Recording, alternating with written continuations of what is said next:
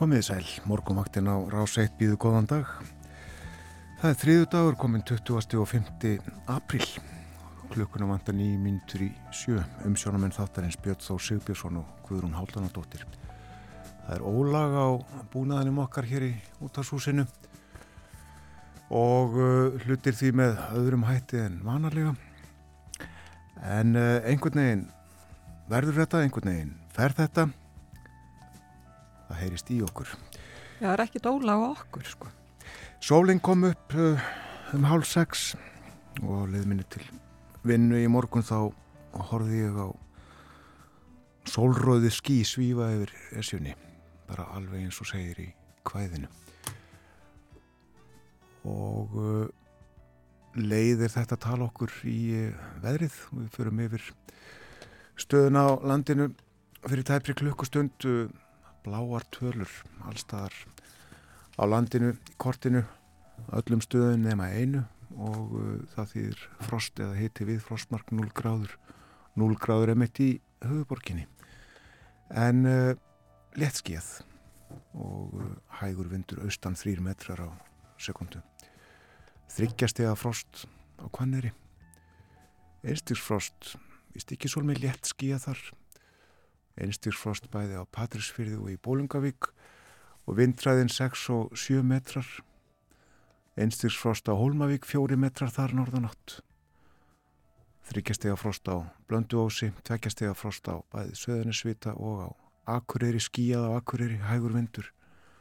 Þryggjastega frost á Húsavík þryggjastega frost á Rauvarhöfn og þryggjastega frost líka á bæði Skeltingstöðum og á Egilstöðum norðan þrýra á Egilstöðum ég hef ekki hitatölur frá höfni Hortnafyrði en hitin var við frostmark á Kvískerjum og einstigs frost á Kirkjubæðaklaustri tveggjastega frost í Árnesi 8 metrar þar norðaustan en fjórastega hiti á Stórhauðaði Vesmanegum austan 7 metrar. Og upp undir 10 stega frost á Hálendinu það sem kaldast var annars 7 og 8 stega frost kald á landinu Já, og samkvæmt spáni þá hefur verið norðan og norðaustan átt í dag hæg, fremur hæg og stöku jél eða skúrir austalans og með suðuströndinni en annars allviða léttskíð og veðri verið svipað á morgun en hittin er 1 til 6 stig en víða nætu frost og kaldast í insveitur norðaustan til. Eða eins og veðufræðingur orðaða ágætlega í hugleðingum. Sami gröytur í sömu skál gæti alveg verið spáin á næstunni.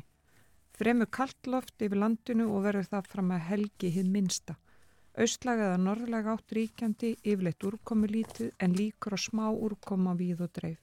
Mesta líkur á úrkoma sem fellur sunna til á landinu verði formi rikningar eða skúra en að næturlægi gæti þetta farið yfir í slittu eða dálitlega snjókomi. Fyrir norðan og austan er loft almennt kaldara og svo úrkoma sem þar fellur verður líkast til á förstu formi. Veðrið uh, svolítið undarlegt já þessa dagana, uh, ekki síst í gær þegar um tíma var glada sólskinn í Reykjavík og uh, svo leiði smá tími og allt í húnum koma haglil. Skiptast á skinn og skúrir. En það er nú líka bara eðlilegt á vorin og bara voruð, voruð á að vera þannig að maður veit ekki neitt hvað er framöndan, það er bara spennandi. Það er í millat á darska hjá okkur í morgunvaktinni í dag. Þórdusnar Júliusson verður með okkur, rítstjóri heimildarinnar. Við ætlum að tala um efnagasmál. Artú Björgvin á sínum stað talar frá Berlín eftir morgunfréttinar klukkan átta og uh, hann með uh, nokkra punkta væntalega sem hann fer yfir og uh, svo ætlum við að tala um ungar aðtapna konur, svona hvernig hvernig gengur að vera unga aðtapnakona á Íslandi þessa dagana? Og uh, það er ekki bara að dansa á rósum eins og uh, gestir okkar á eftir segja okkur frá. Og uh, tala okkar verður blandað tónlist. Setjum nú smelt með Wilson Pickett af stað.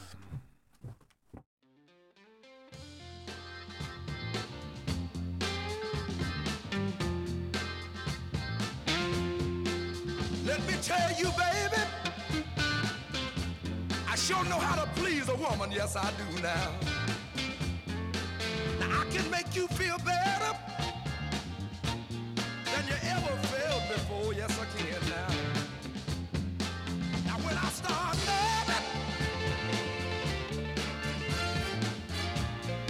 women hate for me to stop. A whole lot of men giving me for what I got. Ow! I'm a man and a half. That's what I am. A man and a half. Now look here. When I walk, the birds and the bees stop loving and look at me now.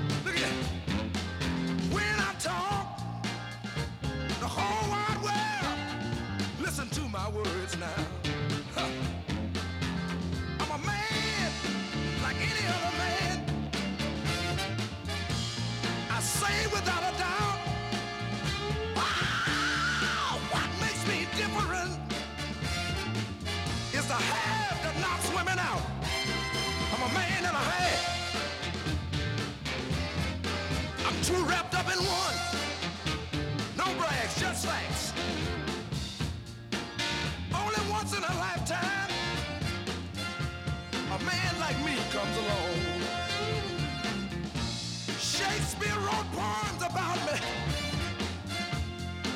before I was born. Thunder gave me a lift, and lightning knocked on your door. Your chance in a lifetime, woman, might not happen no more. To be loved by a man and a half.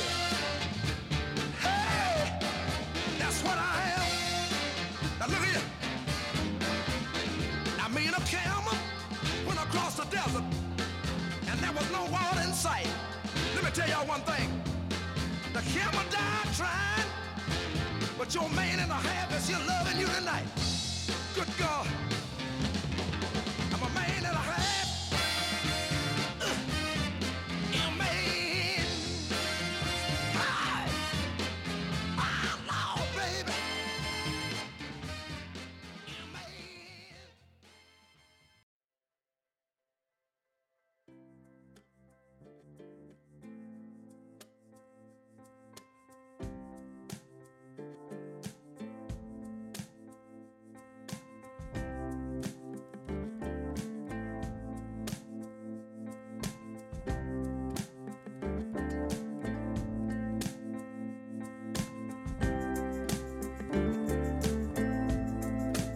Eins og við nefndum á þann að þá erum við búin að vera að eiga hér við afliðingar rafmaspilunar.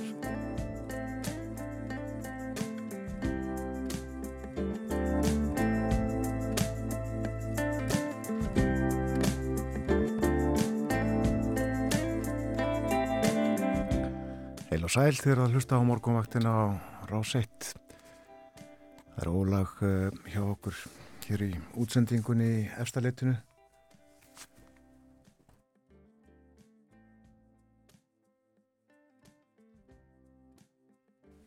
Það er, uh, já, ólag hjá okkur hér í uh, útsendingunni en uh, allt fer þetta einhvern veginn.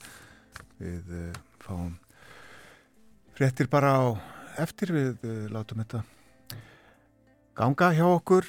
Það er þriðu dagur í dag og klukka núna þrjára mínútur gengin í átta. Við sitjum hér Björn Þór Sigbjörnsson og Guðrún Háldanadóttir og fylgjum ykkur inn í daginn þennan morgunin og sund með hefðböndum hætti, eh, annað ekki. Nefnum það að Þórðusnar Júliusson verður með okkur, uh, verður hér eftir uh, tæpar 30 mínútur eitthvað, eitthvað svoleiðis og við ætlum að tala um ímislegt, við ætlum meðal annars að tala um uh, verðbólgu, verðbólgu horfur og hagvaksta spá. Við uh, ætlum uh, að tala um bensínverð og uh, fastegnaverð. Uh, förum uh, yfir þessa þætti í þjóðlífinu.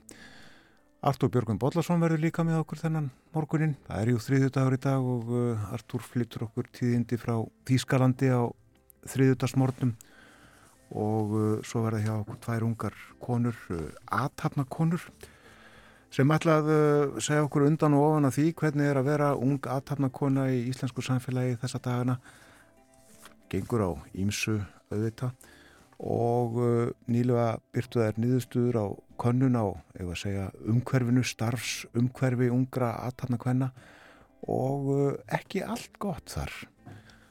Förum yfir uh, það með þeim uh, á eftir þær vera hér upp úr hálf nýju. En uh, rétt að fara yfir ástand og horfur, hvað veðráttuna var þar? Hverjum ertu með spádagsins? Já, það er spáð norðan og norðaustanátt og 3-10 metrar á sekund og stöku jól, jél eða skúrir austalands og með suðuströndinni en annars allviða léttskið. Og það verður svipa viður á morgun og hitin er viða 1-60 en viða nætufröst og kaldast í insveitum norðaustan til og svona eins og hugleðingar viðfræðings hefjast á. Sami grautur í sömu, sömu skál. Það gæti verið lýsing á spánin á næstunni. Þannig að það verða, verður norða, norðlegar áttir og aust, austanátt líka einhver staðar en annars bara svona fremur kallt en þokkarlegasta viður. Það er með það. Lítum í blöðin uh, og uh, það eru alveg einstakar myndir hér á fórsíðu morgunblassins. Tvær myndir sem að uh, Jónas Erlendsson, bóndi í Fagradal, skamt frá Viki Mýrdal tók. Tók þar í gær og þær eru, eða á þeim eru tveir hrútar. Þeir Ljómi Lokksson og Bóndi Vestrason og á fyrirmyndinni þá uh, eru þeir stoknir upp á afturlappinnar og uh, myndast við að stanga saman hornum sínum og á setni myndinni þá uh, eru höfuðinn, hornin komin ofan í grasið og afturlappinnar upp í loft. Holmganga í túni Jónasa Bónda í Faradal segi hér í myndateksta skemmtilegt. Nú uh, fréttin uh, hún er uh, byggð á grein í morgunblæðinu í dag brefi opnu til Svandísa Savastóttur matvalar á og um penna heldur Jim Ratcliffe sem er auðkjöfingur breskur. Og uh, annars lagið hefur verið sagt frá hann í fréttum og rabbaðum hann hér í þessum þætti. Hann á uh, fjölda jarða á landinu ekki síst í vopnafyrði fjölda jarða sem uh, umrenna lagsveiði ár hann hefur áhug, áhyggjur af vilda Allandshafs lagsinum og segir hann vera í útrýmingarhættu og fullirir að einn mesta óknin við ákomu hans stafi af fiskeldi sem nú er stundað í stórum stíl á Íslandi. Og hann uh, fer yfir þetta vitt og breytt í þessu opna brefi til matalar á þeirra í morgunblæðinu í dag og uh, ber meðal hann að stöðuna sama við Noreg, segir að þar hrigni sloppin eldislags með viltum lagsi í fjölda áa og hafi skadlega áhrif á gæði viltastopsins. Fjöldin er yfirgnefandi, segir hann. 70% allra áa í Nóri eru nú menguð af eldislagsi sem blandast erfðum með viltumlagsi. Og við hlið þessar hrettar á fórsíðu morgunbladsins er sagt frá því að nokkur fiskeldis fyrirtæki hafa sínt áhuga á að hefja landeldi á fiski í stórum stíl á keilisnesi á Vassleisusströnd landeldi geti komið á álverslóð á Keilisnesi. Stóð lengi til að reysa þar álver sínum tíma, var nú ekki af því en uh, nú geti sem sé farið svo að uh, þetta land verði tekið undir eldi á lagsi landeldi sem uh, kætir mögulega Jim Ratcliffe auðkýfing. Þetta var fórsíða morgunblæsins. En þarna í Nóri sé ég að það er nú verið tölvert fjallað um veðrið þar, því það er bara alltaf kafi snjó og það er umferðar og yngþveiti í Oslo og viðar út af snjó og svo sendi hlustandi mér mynd frá Þórsöfni færaum og það er líka bara snjóri yfir öllu. Þannig að, að já, það er erfitt að koma að sleiða sinnar í hluta Noregs vegna snjókomi og að mér talið að það muni hafa áhrif á fljúsamgöngur í dag. En annars eru flesta fórsíða síður erlendu dagblæðana með myndum tengdum sútan.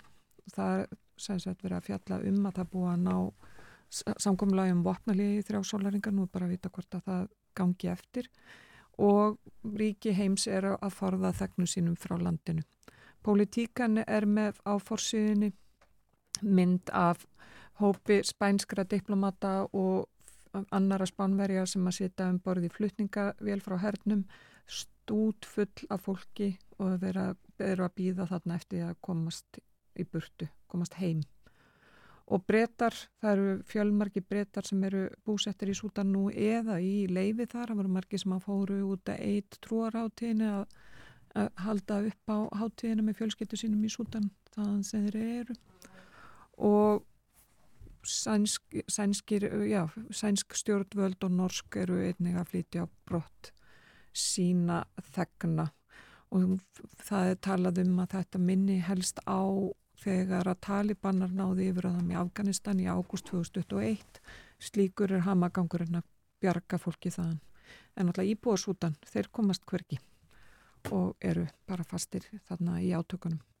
New York Times fjalla mjög mikið um brottkvarf Tucker Carlsons af Fox News, Fox fréttastöðunni og svona þetta Donald, tekur fram að Donald Trump er mjög slegin yfir þessu að þetta muni hafa slæm áhrif á fréttir og aðra um, umfjöllun fjölmila þar í landi. Þetta er svona það helsta úr erlendu blöðunum þennan morgunin. Það minnst aðeins á aðstæður í Óslo og víðar í Nóri, einnig þórsönni færiðum. Ég sé að það er einstigs hitti í Óslo akkurat núna og vara við snjókomu og hálku. Einn gráða líka í þórsöfni færiðum, sjöstega hitti eins við er í Kaupanahöfn, fimm gráður í Stokkólmi, nýjustega hitti í Helsingi, einstigs hitti í Núk og uh, ef við lítum út fyrir Norðurlöndin þá er uh, sjöstega hitti í Brussel og uh, áttagráður bæði í París og í Berlin fjórastega hitti í Lundunum en 15 gráður í Róm og Ítalíu Thank you.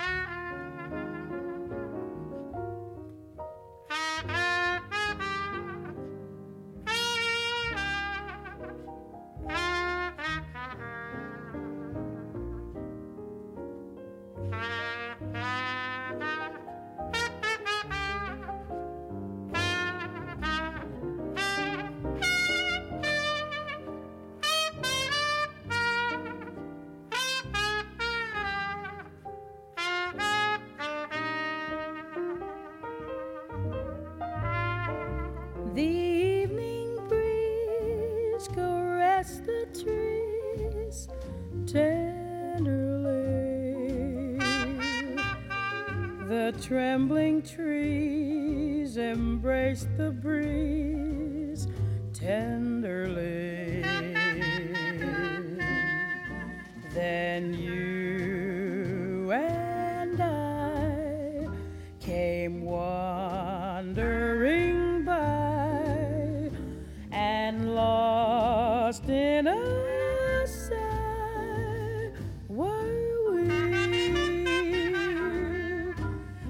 shore was kissed by sea and mist tenderly.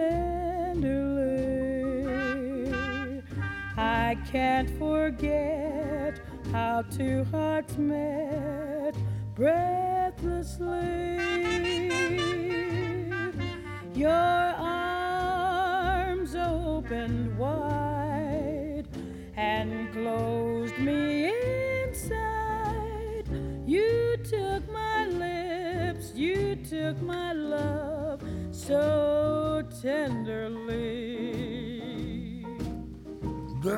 Evening breeze erased the trees tenderly.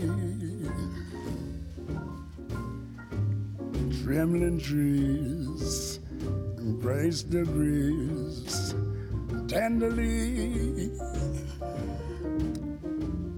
Then you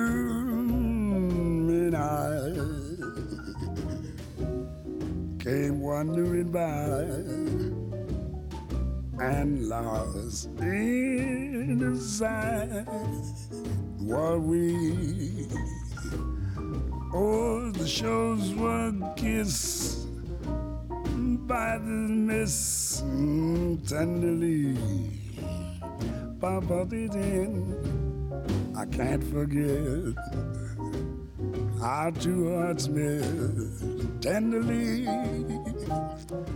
Baba da da your arms mm, open wide and close me inside. You took my chops away from pops tenderly.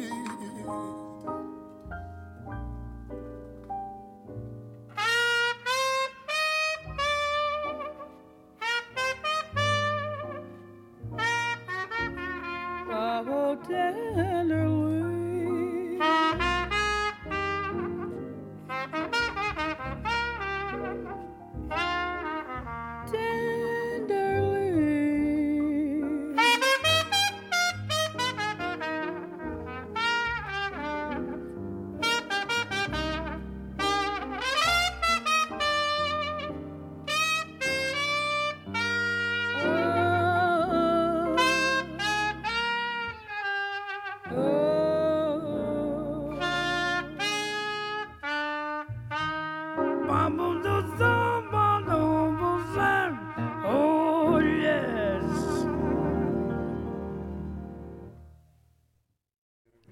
var lagi Tenderly og þarna söng Ella Fitzgerald og Louis Armstrong. Þetta er upptaka frá árun 1956 en ég held að Sarah Vaughan hefur nú fyrst sungið þetta lag.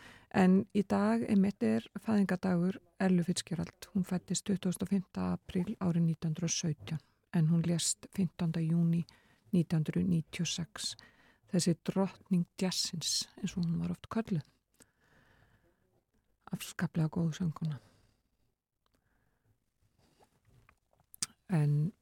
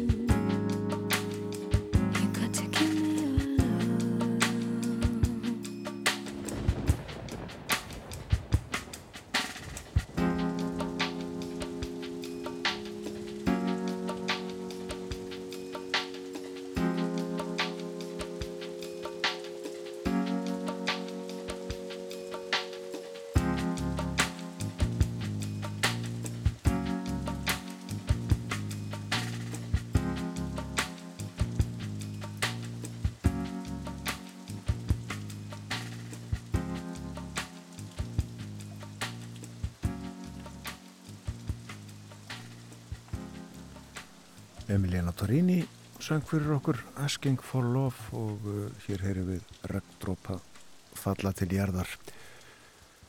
Asking for Love, já, uh, Ástin vinsælt umfyllunarefni í daglega tekstum og uh, Ástin svífur yfir vötnum hér á morgumaktinni þennan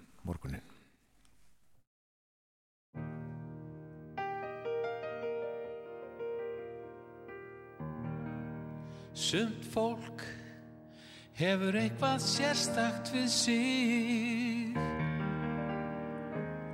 sem virkar þannig að það heitlar þig. Slíkt fólk, þú tekur eftir því hvar sem það fer. Mm. Og einmitt um daginn mig hendi þá. Að ókunna stúlku mér litið varð á þá gerðist eitthvað sérstakt inn í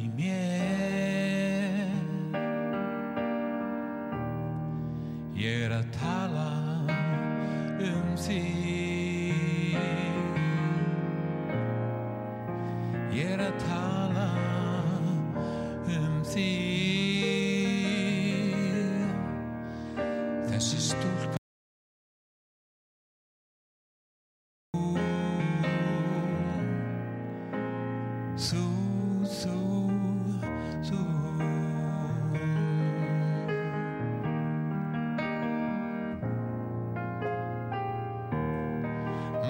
þú,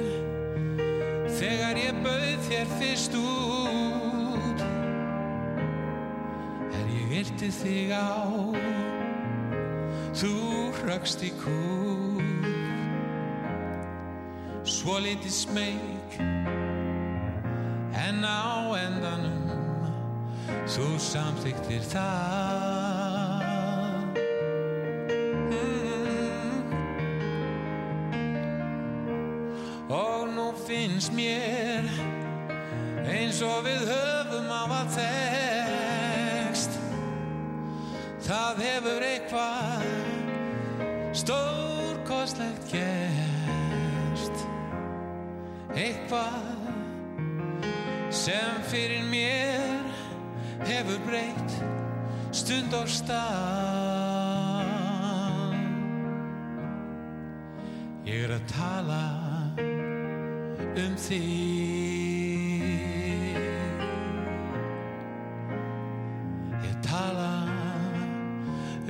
þig Þessi stúlka er þú. Þú, þú, þú.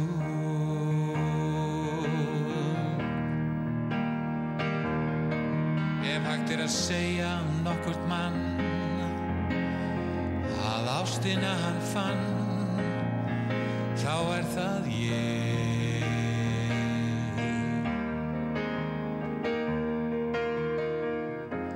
Allt sem snertir þig það á svo vel við mig. Mér finnst þú stór kostleg.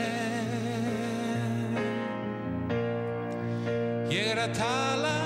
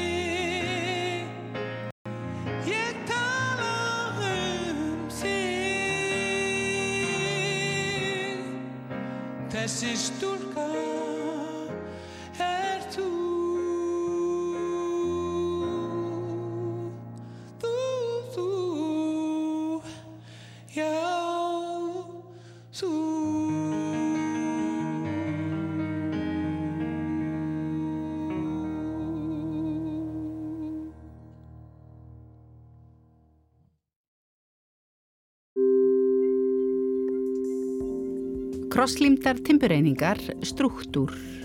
Alltaf betri þjónusta, glerugnavestunin sjón, glæsibæ. Tryggjum velferð barna, foreldrajabretti.is. Burðalím, burðarbönd, burðartangir, KB, Borgarnesi. Opnum klukkan 7.30 alla virka daga, alltaf heitt á könnunni, sindri smiðjuvegi. Foreldra samvina, foreldrajabretti.is. Grillaðu betur í sumar með Weber. Weber á Íslandi, weber.is. Ert þú með heimahleðslu onni áskrift? Eða ert að fara að fá þér eina slíka? Vertu með í sumarleik Orku náttúrunar og þú getur fengið áskriftina frítt í heilt ár. Taktu þátt á on.is. Umhverfisvottu vistvæn viðargólf, Birgisson ármúla, gæði, þjónusta og gott verð. Silfurskottur, mís, kongulær og flær. Eyðum öllum meindýrum. A-þótt meindýravarnir, sími 822 3710. Sófa og stóladögum húsgagnhallarinnars líkur í dag. 20 til 40% afslátturs af öllum okkar sófum og stólum. Komdu í dag. Húsgagnahöllin, Reykjavík, Akureyri og Ísafyrði. Í sumar verður innleitt nýtt flokkunakerf á stór höfuborgarsvæðinu. Með réttri flokkun komum við í veg fyrir són verðmæta og endur nýtum það sem jörðin hefur gefið af sér. Flokkum.is Viðgerðir og viðhald er það sem við gerum, við og við. Smustöðin klöpp við vegmúla. Gum Soft Pix Advanced eru þægilegir og mjúkir tannstönglar sem hreinsa vel á milli tannana. Fáðu hreinas og heilbriðari tennur með gum. Hann er sko ólíkinda tól og svo hann ekki móttakilega fyrir gaggríni. Foreldrajabretti.is Nóbelskáld og nýgræðingar. Nýjótkomnar bækur á bókatíðindi.is Kæru nefendur, Margrét rektor hér. Guðmundur þarf að vera heima með henni Sigrunu því hún kom með hita lilla skinnið. Hann mætir í tíma um leið og betur stendur á. Allt námsefnið er auðvitað aðgengilegt á netinu eins og alltaf. Lærðu heima. Háskólin á Bifröst. Við hjá Stefnu höfum hannað og smíðað vefi í 20 ár. Kynntu þér málið á stefna.is. Parki býður heildarlausnir í innréttingum fyrir heimili, fyrirtæki og stopnanir. Parki Dalvegi.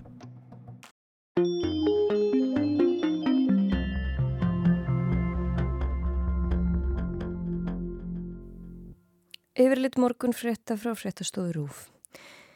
Eitt ljast og tveir voru fluttir á sjúkrahús eftir að eldur kviknaði í bát við Njarðvíkur höfn í nótt. Stúlkan sem landsréttur úrskurðaði í gæri skildi látin laus úr gæsluvarðhaldi tók upp myndband af átökunum í Hafnarfyrði sem enduði með því að 27 ára Karlmaður var myrtur. Hún hefur líst í að átökin hafi aðalega verið á milli tveggja og að hún hafi ekki verið viðriðin ofbeldi gegn hinnum látna. Réttarhöld hófust við Alrikistómstól í Pensilvaníuríki í Bandaríkjanum í gæri yfir manni sem varð 11 að bana í bænahúsi Gýðinga í Pittsburgh árið 2018. Hlustendur og áhorfundur Rúf gæti orðið varið við trublanir vegna rafmagsspilunar. Unnið er að viðgerð. Veður, norðan norðaustan 3-10 metrar og stöku jél eða skúrir austanlands og með suðströndinni en annars allvíða all léttskíjað. Svipa veður á morgun hiti víða 1-6 stig en víða nætur frost og kaldast í innsveitum norðaustan til. Morgunfréttir verða sagðar klukkan 8.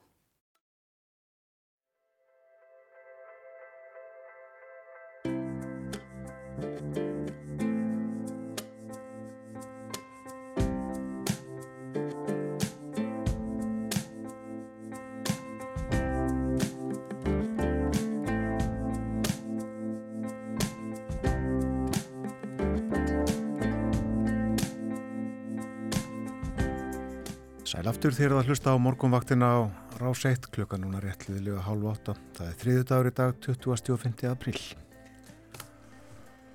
Fallet veður í Reykjavík, bjart en kallt, kallt á landinu öllu, hitin um eða undir frostmarki á öllum viðratúnastöðum klukkan 6 nema á Stórhauða í Vesmanni, þar var friggjaða fjórastega hiti og uh, það verður kallt næstu daga.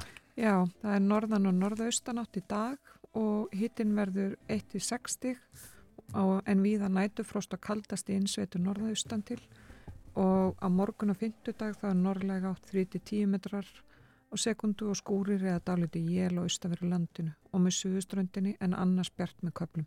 Viða vægt frost en hitti að 6 stigum suðvestan til að deginu.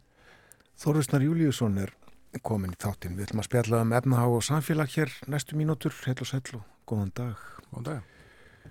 Við, eins og ég nefndi fyrir morgun, ætlum að tala um verbolgu aðeins, verbolgu horfur, háasta horfur, við ætlum að tala um bensínverð og fastegnaverð og eitthvað fleira. Uh, ef að byrja á hagstofunni sem í gær uh, tilkynnti eða sagði frá uh, þessari samræmdu evrópsku verbolgumælingu sem að gerðir annars lagið og komi ljós að verbolgan hefur hækkað öllítið á já, í heim, heims alfunni ekki satt. Jó, til þess að útskýra hvað er þetta að ræða, hinn samræmda vísitala neysluvers er að mestu leiti hérna svona sambarleg þeirri sem við nótum til þess að mæra verðbúkur hérna að nokkrum stórum hlutum undanþegnum. Meðlans er húsnæðisverð ekki inn í henni og hérna útgild erlendra ferðamanna og þeirra sem búa stopnunum eru með í og samræmdu vístölunan ekki í íslensku uh, neysluverðsvístölunni þannig að það er svona munurinn og hérna kemur í ljós að, að hérna Uh, að það er svona og þetta er auðvitað fyrir mars, þetta er ekki apríl verðbólgu töluna sem við býðum hérna í ómanni við eftir í Íslandi sem koma síðar í þessari viku.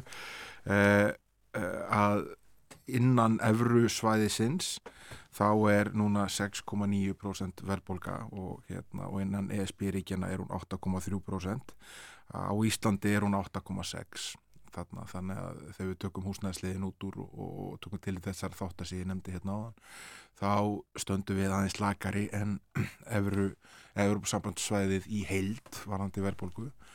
Uh, og það verður líka taka til þess að, að tölurnar í Evrópu sambandinu eru mjög litaðar því að það eru nokkur lönd þar sem eru með mjög háa verðbólgu það er að segja samramda uh, verðbólgan í, í Ungverðlandi er til dæmis 25,6% og, og mikil verðbólga í Pólandi, Íslandi, Tjekklandi, Lettlandi, Litáen. Uh, ef við horfum á löndir svona í kringum okkur sem við erum ansið vunna á með okkur við þá eru hlutinir nú aðeins skapleiri þar. Uh, 6,7% verðbólga í Finnlandi 7,3 í Danmörku 7,3 í Noregi. Uh, lægst mælist hún í Sviss 2,7% og svo Luxemburg 2,9% Já En uh, landsbankin, hagfræðingarnir þar, þeir uh, hafa skoðað sínar, já ég segi ekki kristalskúlur, en uh, fylst með mælunum öllum og velt fyrir sér framtíðinni, skiluðu í gær, eða byrtu þjóðhags og verðbólgu spá til næstu tveggja ára. Já, þrjú meginadri sem koma þar fram. Uh, fyrsta lagi sér hérna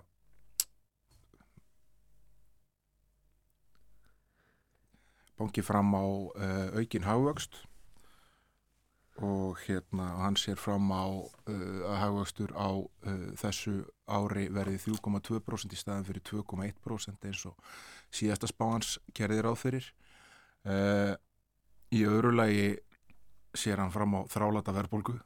Verðbólgan farið nú ekki að hjaðna sem neinin heimur fyrir en á næsta ári og vakstir fari ekki að lækka að nýju fyrir en á öðrum ásfjörungi 2024 það er að segja eftir ár. Við erum stöðt á öðrum ásfjörungi núna. Mm. uh, og bankin spáði því að uh, stýrivextir verði hækkaðir enn frekar muni fara upp í 8,5% eða 1% stýti viðbútar þannig að það er enn sásöki framundan fyrir uh, þá sem lifa við það að, að, að þurfa að taka lán og borga þeim í íslenskum krónum.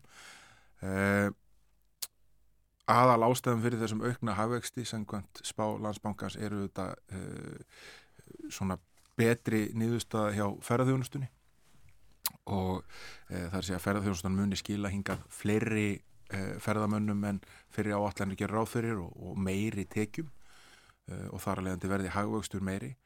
Og Uh, það er nú kannski ekki allir alveg samfólum um það að þetta sé hérna, það besta sem uh, geti komið fyrir okkur í þeirri stöðu sem erum núna, það sem er mikið þensla í, í, í, í hægkerfinu og ferðarþjónustan er eins og við vitum mannafsfreg grein og, og kannski ekki með mjög háa framleginni á hvert starfandi einstakling þar inni.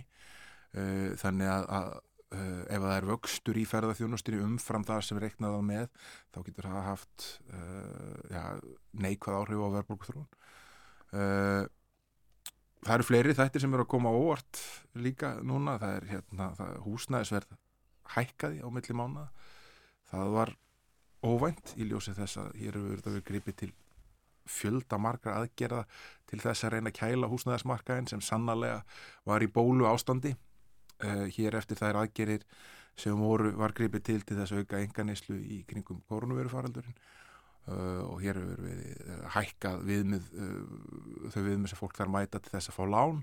Hér hefur þetta vextir verið hækkað alveg gríðarlega mikið og þar er leiðandi greiðslubyrði af lánum. En samt sem áður virðist það ekki duga til þess að snúa við þróunni á húsnæðismarkaði. Það var hérna, vel, rúmlega 1% hækkun á milli mánu Hvað er lagð skýr er það? Ég menna, hvað, hvað veldur? það er mjög erfitt að uh, segja uh, það. Það eru þetta þannig að það er ennþá mikil kannski kaup geta hjá ákveðnum hópum. Uh, ég held að það sé algjörlega fyrirlíkjandi að, að, að hópar eins og allir með fyrstu kaupendur eru nánast ekki sjáanleir og fastegna markaði í dag. Það er, ef þú farið ekki mikla meðgjöf þá er þetta nánast óyfirstíganlegt að ætla að fara í lántöku á þeim kjörum sem bjóðast núnar á því verði sem er á markaði. En Uh, það eru þetta hópar sem eru með mikið eigifið í húsnæðinu sínu og hafa töluverðar uh, ha, eru með töluverðar tekjur og töluverðar kaupmátt sem geta verið að stunda fastina viðskipti uh, þannig að hérna, það þarf svo sem ekki að vera hérna, neitt annað en það að, að þeir sem geta og hafa áhuga á því að flytja sem sett þeir eru ennþá að gera það og meðan þeir eru tilbúin að borga það verð sem er á markaði þá bara einfallega helsta það sem það er Og það er ekkit útlitt fyrir að uh, það verði slakað aftur á þessum uh, aðgerðum sem að bankin, selabankin hefur gripið til. Uh, það, ég, ég er svona velta fyrir mér hvenar fólk, fyrstu kaupendur uh, getur átt einhverja vonum að hér skapist þannig ástand að það getur keipt sér fastegn. Tilgangur peningastefnunar uh, beitingar hennar er að ná niður verðbólgunni. Verðbólgumark með Sælabankars 2,5% við erum ansið langt frá því markmiði uh, við meðum aftur við spá landsbankans ef við byrjuðum að ræða hér áðan þá er ansið langt þangtu við náum því markmiði. Á meðan svo er mun Sælabankin sinna því hlutverki sem hann hefur og það er að ná niður verðbólgunni draga úr þenslunni í hækjörnu og uh, það gerir hann með að beita þeim tæki sem hann hefur tiltæk uh, þetta eru þau tæki þannig að svaraði kannski þetta á mjög þetta á fjallabaksleiðin að mjög einföldu svari nei, það er ekki mjög sýnilegt að fyrsti kaupundur eigi greiða leiðin á fasteinamarkað í uh, nánustu framtíð Já, það er greinilegt að þá heldur kannski bara áfram að hækka hlutvall kvenna sem bý- býr áfram hjá foreldrum. Það er og nýjar tölur hagstofun að benda til. Já, Fólk ég kemst ekkit út á markaðin. Ég held að hlutfall allra sem búa hjá fóröldurum muni hækka enda uh, sagði Áskir Jónsson Sælabankastjóri það og einum af fundunum, peningastefnu uh, fundunum í fyrra þegar vextir voru að hækka er að, að fólk þyrti bara einfallega að fara að búa sundi það að búa lengur heima.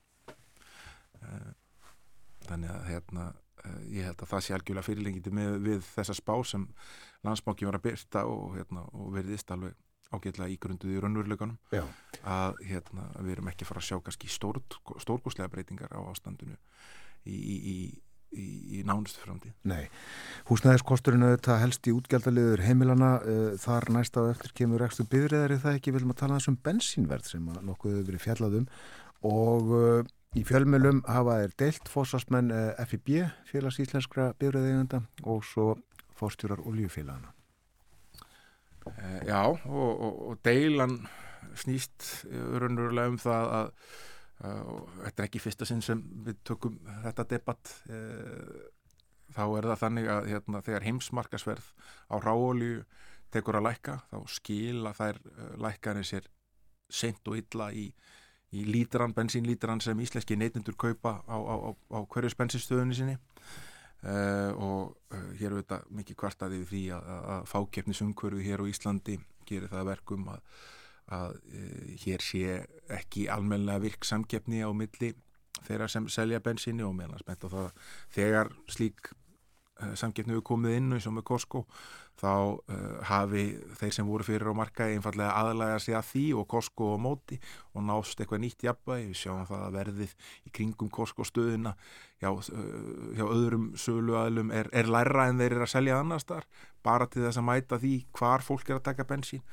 Uh, það eru þetta komið fram í þessar umræðu núna að íslensku oljufjölum kaupa oljuna sína öll hjá sama aðila Það finnst mörgum merkilegt. Já, og það er hérna Econor sem er eh, norskur aðili og flyttur þeir inn eh, alla olju og svo hann er dælt af töngunum hérna inn á tankbílana sem eh, eru síðan í eigu fyrirtæki sem oljufélagin eiga einhverju leiti saman og, og ferjuð á, á á, á, bensistöðunar þar sem við borgum þetta verð fyrir þau Mm -hmm.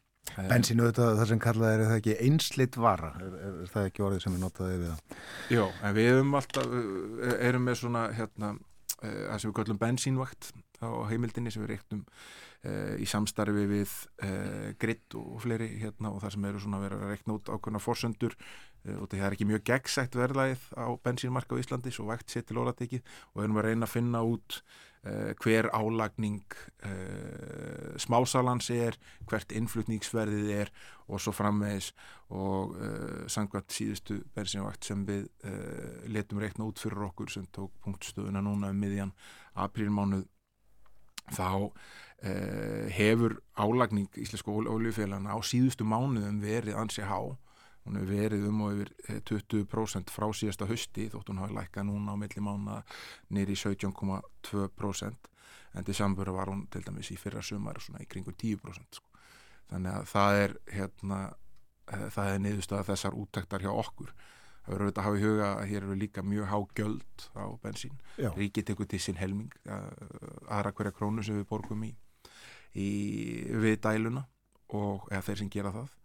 Og uh, þetta eru auðvitað núna tilgakir reynduskoðunar og mun taka breytingum innanustu framtíð þegar ný tegund gjalda verður löguð á til að taka tillit til þess að hér eru svo margir með konir með hérna, rammaksbíla og eða, bíla sem ganga fyrir öðrum uh, orkugjöfum en, en, en eldsniti Já. og uh, þá verða löguð á einhvers konar umferðar og tafagjöld og, og, bóða þau í fimm ára fjármála áallun og það verður mjög frólægt að sjá hver útvæsla um þeim verður. Þannig að ríki tekur uh, um 50% af verði bensínlítra, uh, 30% um það uh, fara í innkaupin og uh, 20% verði eftir hjá olíufílónum. Já, svona það eru auðvitað blæbreiða mjög á milli, milli mánuðana og olíufélögin heldur því fram í fyrra að þau hafið verið að hæja á því að setja verðhækkanir á heimsmarkasverði inn í, inn í hérna verðlægið og margt sem bendir til þess að sé nokkuð til í því.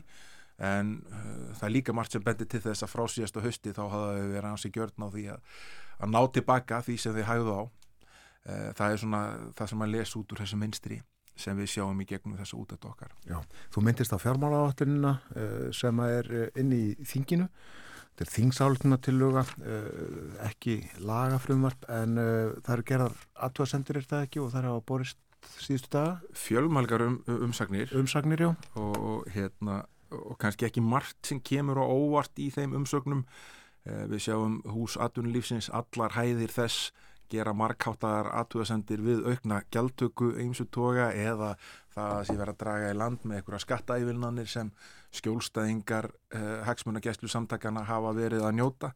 Eh, ferðarþjónustan til dæmis eða samtök fyrirtæki ferðarþjónustu kvarta yfir því að það er að eh, hérna, ekki að setja aukið ríkisfið í neytenda markasetningu Erlendis.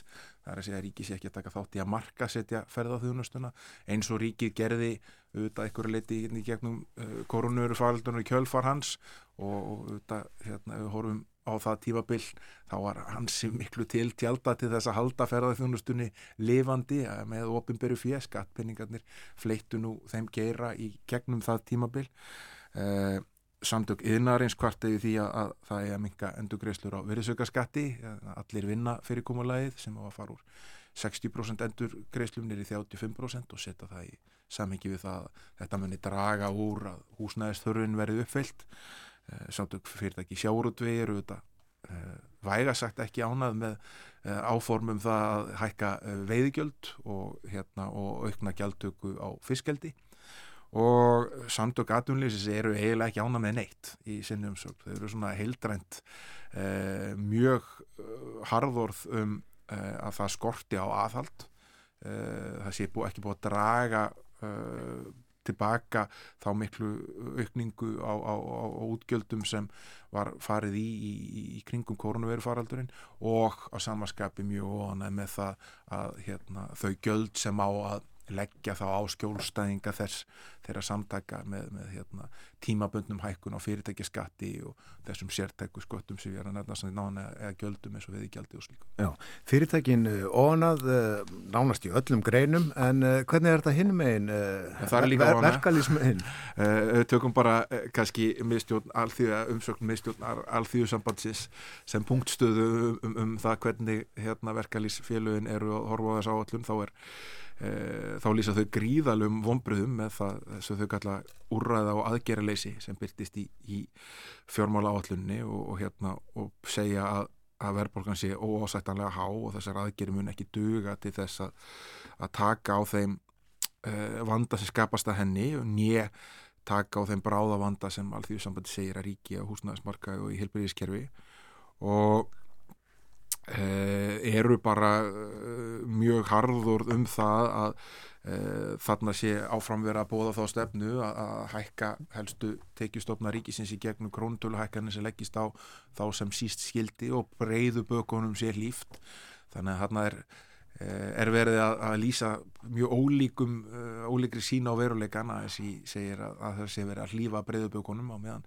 ja, breyðubökin eða hagsmælegestu samtök breyðubakana finnst vera mjög illa farið og allt og miklu klifið á, á, á þessi blessuðu og títnemdu breyðubök uh, og svo er alls konar líka þetta hérna svona sem við kalla smá punk í þessu sambandungra sjálfstæðismanna skilaðum sögn og skulum við þetta ekki gleyma því að þetta er formaður sjálfstæðarsflokksins sem er fjármála og efnaðasaráðar og leggur fram þessu áallun og, þau eru ekkert sérstaklega ánað með neitt aðna heldur. Uh, mjög klassíst auðvitað fyrir unglega reyfingu frá þessum ánga eh, pólitiska leiturósins að þau eru óánæði með eh, aukna skatteimtu og óánæði með eh, minna aðhald og svo vilja þau bara selja flest allt sem ríkið heldur á, vilja selja Íslandsbanka á þessu ári, vilja byrja að selja landsbankan á næsta ári, vilja selja þetta fyrirtæki sem við sittum hérna inn í dag sem allra fyrst, átíðaferr og ímislegt fleira. Þannig að það er alltaf frólægt að hérna, ef maður vil fá svona eh, fjölbreytileg eh, mjög fjölbreytt að sína á það hvernig samfélagið horfir við hennum ímsu hodnum þess að, að lesa umsagnir um, um, um, um fjármála áallinir. Já, það er allavega allir eiga sammert að vera bara hundóanæðir. Já, ég er ekki búin að finna ennþá, sko, það eru þetta komin á þrjátu umsagnir og það hafa verið að týnast mjög hart inn á undarfötnu og, og ég er nú bara búin að kannski leggjast yfir þessar stæstu uh, en ég hef ekki fundið uh, margt svona mikla jákvæðni í, í, í því sem ég hef þegar búin að lesa. Ljúkum þessu þórusnar í dag á uh, fyrirtækinu Alvotek sem við fjöldum svolítið um fyrir viku. Hefur eitthvað fress síðan þá um þessi leifismál eða rifum þetta upp í örfáum orðum fyrirtækið fekk ekki leifi til þess að selja tiltekki gíktalif á bandrækjamarkaði eins og það hefði vonast til? Hey, það sem hefur gest síðan er að fórstjóri stjórnánformaður og einn aðalegandi Alvotek Robert Westman fór í viðtal uh, í Kastljósi og uh, það verðist ekki hafa slegið mjög á ávegjur uh, fjárfesta því að Alvotek hefur síðan lækkað, núna eru rúmlega 180 miljardar sem eru búin að þurkast út af markasviði Alvotek frá því degi áður en þessi tilkynningum það að, að þetta leifi hefði ekki fengist kom fram og við erum að fylgjast með líka umræðinni bara í bandarækjónum og það er stímsi greinendur auðvitað, ég fengi verið að skoða grein, greiningar stóra bandarískra fjárfustíkabanka og það er svona þótt að það sé ekki algilt og það er einhverju sem hérna telja að, að þarna séu enþá eftirsókna verðir fjárfustíka möguleikar, þá eru nú flestir á því að, að, að það hérna svona uh, hvetja sína kuna sem er að skoða greiningarna til þess að selja Það er nefnilega það uh, og Uh, það er núna komið ný dagsetning sem á að skipta öllu hún er 28. júni sem, sem Robert grindi frá Robert Westman grindi frá í, í Kastljósviðtælunum og uh, að þessu með aðra umsókn en þeirri sem var hafnað og niðurstað hennar sé að vænta 28. júni en áallanir alveg ekkert að ganga út og það að, að hefja markarsetningu á þessum lifum 1. júli þannig að þá jafnvel þótt að svo umsókn verði samþitt þá er mjög skamt í stefnu og munum að þarna er mikilvægt liv á ferðinni sem er þegar komið á markað í bæði Kanada og í fjölmörgum Európaríkjum eða skildi fórsturinn rétti viðtalinni í Kastlós í síðustu viku en það er einhver tregða þarna í eftirlitinu lifi, eftirlitinu í bandaríkjunum. Samskiptin við þá stofninu er svolítið sérstök. Það, það bara sko fylla marga marga kassa skjölin sem að þarf að senda. Já, bandaríkin eru langstæsti lífumarkaður heimi. Það skiptir öllum álega að komast inn á bandaríkjamarkað. Það sem Alvotek hefur og hefur talið sér vera með í höndunum er forskot á helstu sanginsæðila geta verið já, alltaf ári jafnveg lengur á undan þeim inn á markað með hliðstæðu við húmýra og uh, hliðstæðun eru seldar á já, helmingsverði þannig að það ætti að verða eftirsóknaverð staðgöngu vara fyrir þá sem þurfa á þessu lifa að halda ef að uh, það uppbyllir þau skilir sem lifi eftirlitið setur. Og það er bara þannig að eftirlitið er mjög, setur mjög ströng skilir og, og, og það er það sem alveg ekki að býta úr núna Sendir út kassana. Takk að kellaði fyrir í dag Þórður Snari Lúðsson Segjum þetta gott að spjalli framöndan eru fréttir hjá okkur hér á morgunvaktinni og eftir það er Arþúi Björgum Bollarsson tala við okkur frá mið Þískalandi, hann er okkur ferðalagi. Við heyrum meira því á eftir.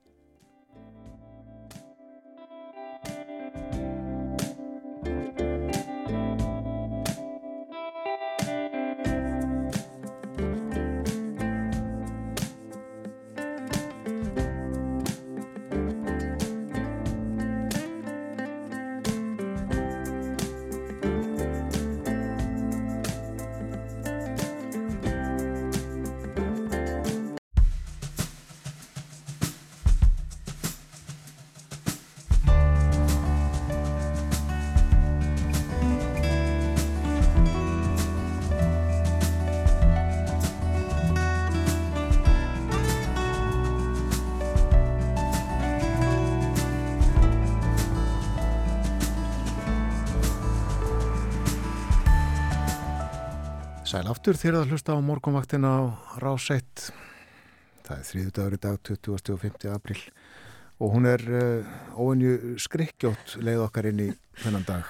Heldur betur, það er búið að vera vesen á ramagninu hér hjá Rúf en, og við býðumst velverðingar á þeim tröflunum sem hafa orðið á útsettingunni í morgun. En við erum hvergi bangin hér á morgunvaktinu og heldum bara ótröð áfram og við hefum vona hérna eftir hálftíma á tveimur ungum aðtapnakonum, Hugrúnu Elvarsdóttur og Kristínu Sverrisdóttur og það er alltaf að ræða við okkur um horfur og hvernig staða ungra aðtapna hvenna er í dag. En það er heldur einmitt ráðstöfnu um helgina um þessi málefni. En líkt og yfirleitt alltaf á þriðutöfum eftir morgufrettir að þá ætlum við að heyra í Arþúru Björgunni Bodlasinni en hann er ekki stattur í Berlín heldur eitthvað staður í mið Þískalandi. Góðan daginn Arþúr. Góðan daginn.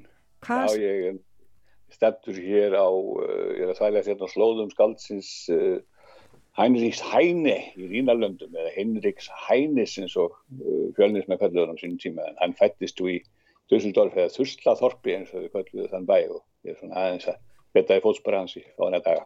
Já, já, já. En uh, hvernig er viðrar það, í Rínardölum? Alveg er príðilegt veður, það hefur verið, svona frekar skrikkjóta undarfærið en núna er glampaldi sól og, og bara blíða og uh, þetta sé ekki eitthvað en 10-11 stiga heiti. Já, gott að heyra. En þú varst í Berlín að fylgjast með í Berlín í gær, þessu, það voru eitthvað lætið þar í gær, eða ekki? Jú, það er óætt að segja að verið tölvest rústu samt á, á göttunum í Berlín í gær og svo tökum nú ekki dýbra í árinni því að hreyfing sem að kennir sér við síðustu kynnslóðina var nú reynda búin að láta það bóðu ganga að, að félagari hreyfingunni ætluði að lama allar samgöngur í Berlín í byrjunum vikuna. Þetta voru stórkallarlega lífylýsingar og, og eftir því sem næstverðu komist þá let hreyfingi til skara skrýða á rúmlega 30 stöðum í borginni. Berlínar lauruglan var reyndar undir það búin að þurfa að grípa í tauman og, og losa hendur þessa róttæku aðgerðasögna frá Malbygginu því Bittu. eins og við höfum einhvern, við tíma nefnda sko að, að, að aðferðin sem að þessi baráttu aðferðin sem að þessi reyfing notar þessi mótmældu síðustu kynnslóðurinn að nota er að líma hendurnar á sig við Malbyggið svo að það sé ekki hægt að draga þá semst í burtu nema með því að losa hendurnar á því fyrst frá göttunni og Það er törfið mikið maus því að lauruglan þarf að beita sérstökum efnum til þess að setja á fingurna á þessum mótmælendum og, og skrapa þá í rauninni frá göttunni. Þetta, nú, þetta hljómar, þetta hljómar mjög illa. Þetta hljómar mjög illa og, og förðulegt og það er enda sko má kannski skjóta því innað að ég sá það einhver staðar að þeir eru með sérstök sko þetta er svo mikill hugur í þessu blessaða fólki þeir eru með sérstök námskeið þar sem að þeim er kent að líma sig við göttundar svona límingarnámskeið og, og, og hérna og þar er náttúrulega ekki bara kent að hvernig að líma hendurnar almennilega við malbyggið heldur líka hitt hvernig að bregðast við ofur reyðum bílstjóru sem komast ekki leða sinnar og láta stundum bara hendurnar tala sko. Og gerðist það í gær? Já, já, það gerðist í gær eins og endan þessi vísu sko, ekki mikið, það var eitthvað svo, það voru stippingar en lauruglan hefur þann háttin á þegar svona núna, þeir eru búin að læra umgangast þetta fólk sem að límir sig á, á fjölförnum göttuhornum og krossgöttum við, við Malbyggiða að þeir semst að reyna fyrst og semst að koma í vekk fyrir að, að, að reyðir ökumenn og vekkfærendur ráðist á fólkið og reyndar á þessum námskeiðum. að þá er fólkinu eins og ég sagði kent að bregðast við þessu. Svo lauruglan í Berlín er afskaplega vel þjálfuð í því að reyna að draga alltaf úr öllum svona meðháttar átökum. Þeir reyna að forðast átöki lengstöluð þegar við kent það reynlega og uh, þetta er heldur ekki mjög fjölmennur hópur sem að, um að ræða þarna því að það þarf ekkert nema sko kannski 6-7 manns á einn gatnamót til þess að stöðva alla umferð þegar við líma sér við göttuna dreifa sér svona bara, og tímynda, þess að ekki marga til þess að mynda svona uh, röð sem að lokar alveg gatnamótum eða göttum og, og það hefur reyndar sko varðandi borgarbúa því við nefndum, ég nefndi þarna reyði þeirra mm. sem bitnar ofta þessu fólki að, að þá hefur komið í ljós að borgarbúar, gerða kannanir á þessu, að belginabúar eru almennt mjög hlindir því að stjórnvöld bregðist við lofslagsvanni að meiri festu en það verði dett hinga til það er eiginlega reyninni sko stór hluti borgarbúa mjög sammála þessu fólki þegar að á það er lítið en eh, menn ef fólk hefur áttar því því að þurkar og ofurhittar og flóð og aðra náttúru hamfari sem hafa verið að valda manntjóni bæði hér í Þýskaland og mörgum öðrum löndum erum að mjög skipt vitni um að, að heimurinn er í, er í hættu öfur eitthvað aðgert meira en þessum að ríkistjóttunum og alþjóðarsamtök hafa, hafa, hafa komið sér saman um til þessa. En málið er hins vegar að þegar kemur að aðgerðum síðustu kynsluðurinn og baráttu aðferðum að þá eru flestir veljunabúar samkvæm konunum algjörlega mótfallnir þeim og uh, það er náttúrulega, það er svo sem kannski skiljanlegt, því fyrst að leiði þá vilja nú bæði hugssjónur og, og framtíða síni fólks uh, hölna svolítið þegar að það kemst ekki leiðarsinnar og þegar að ferðarferðið er takkmarkað og, og uh, svo eru hérna uh, borgarbúar mjög einfallega mjög ósáttu við það. Það heyrði til dæmis í, rópum og köllum og göttunum í gæra í Belgin að, að fulltrúa síðustu kynnslóðurinn skulle taka þessar áhyggjur, skiljanlegu áhyggjur sínar af framtíðinu út á almennum borgurum og og e, það voru náttúrulega nokkur sem að til dæmis e, sko, nokkur ökumenn sem komið þarna út með steittan hefana eftir að hafa komist, e, kannski komist Londni strand í að sem að lím skæruliðatin eins og ég vildi nú þýða heitið á þessum hópi núna e, þegar allir í gær að það væri sem sagt menn sópuð á það það væri sko ekki rétt að þessa reyði sinna bitna ofbertum borgurum sem var á leiðin í vinnu heldur eftir að taka þetta út á ráðamönnum og fara að ráðhúsinu og, og, og, og stjórnabyggingum og vera þar með uppsvot og læti sko.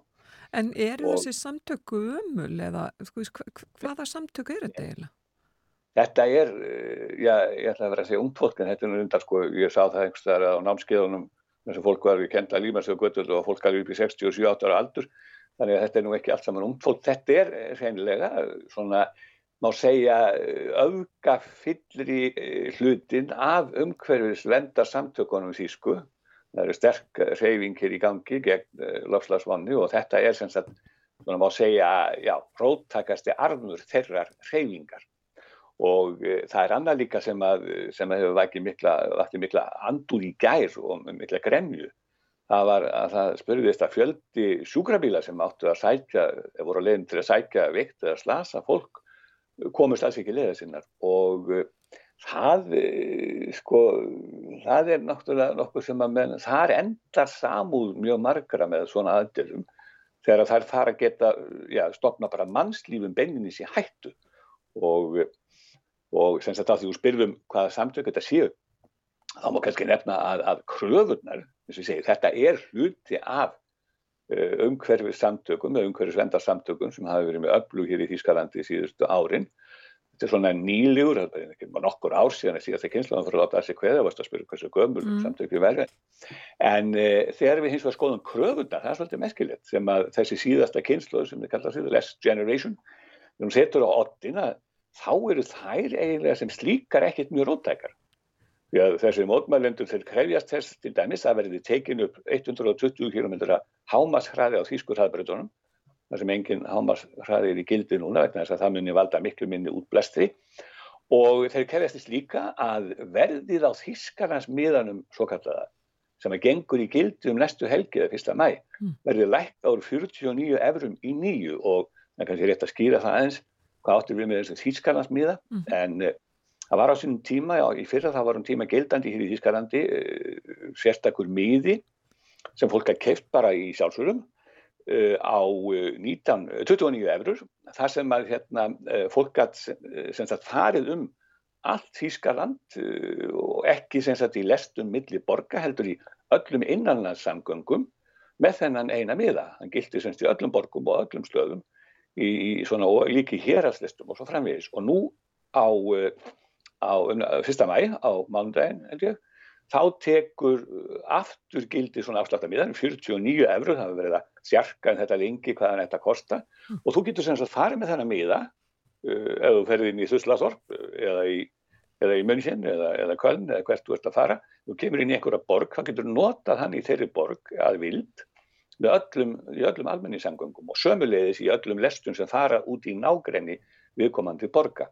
Og Þeir vilja sem sagt lækka þetta verð úr 49,9 eurur og svo á mánuði og uh, svo heimta þeir að verði komið á leggjita sérstökur lofslags að ráði til þess að hanna svona markvissar aðgerði gegn hlínu jarðar. Og þetta er í sjálfur sér ekkit sérstaklega róttækar aðgerði, róttækar kröfur.